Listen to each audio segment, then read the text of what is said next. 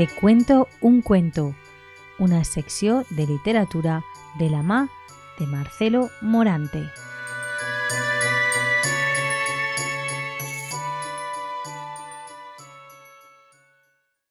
Bienvenidos un día más al espacio semanal de la Tegua Radio Te cuento un cuento.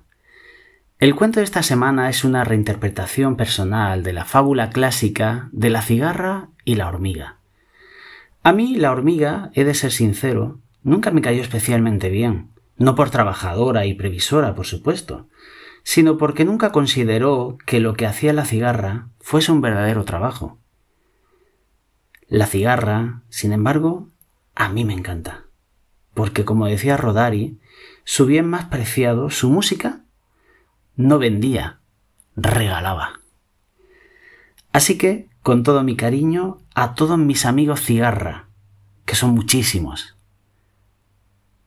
Dulces sueños. Te cuento un cuento.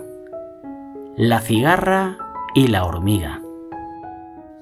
A finales del verano, cuando comenzaban a cortarse las horas de sol y el frío ya empezaba a asomar, la laboriosa hormiga se encontraba en el interior de su hormiguero contemplando orgullosa el enorme almacén lleno a rebosar. Mientras estaba pensando en cuánto trabajo y sacrificio le había costado reunir todos aquellos alimentos, llamaron a la puerta. Con un punto de arrogancia, imaginó que de nuevo, puntual a su cita, la vaga cigarra venía a pedir limosna.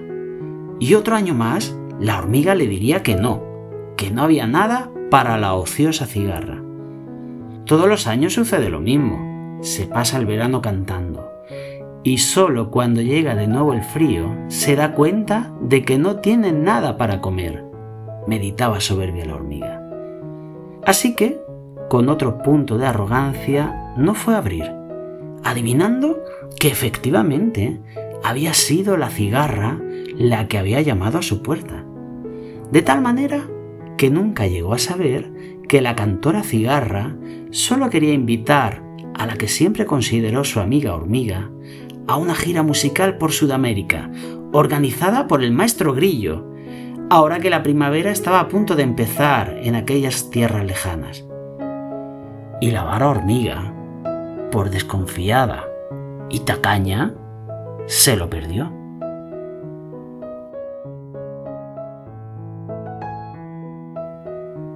Marcelo Morante.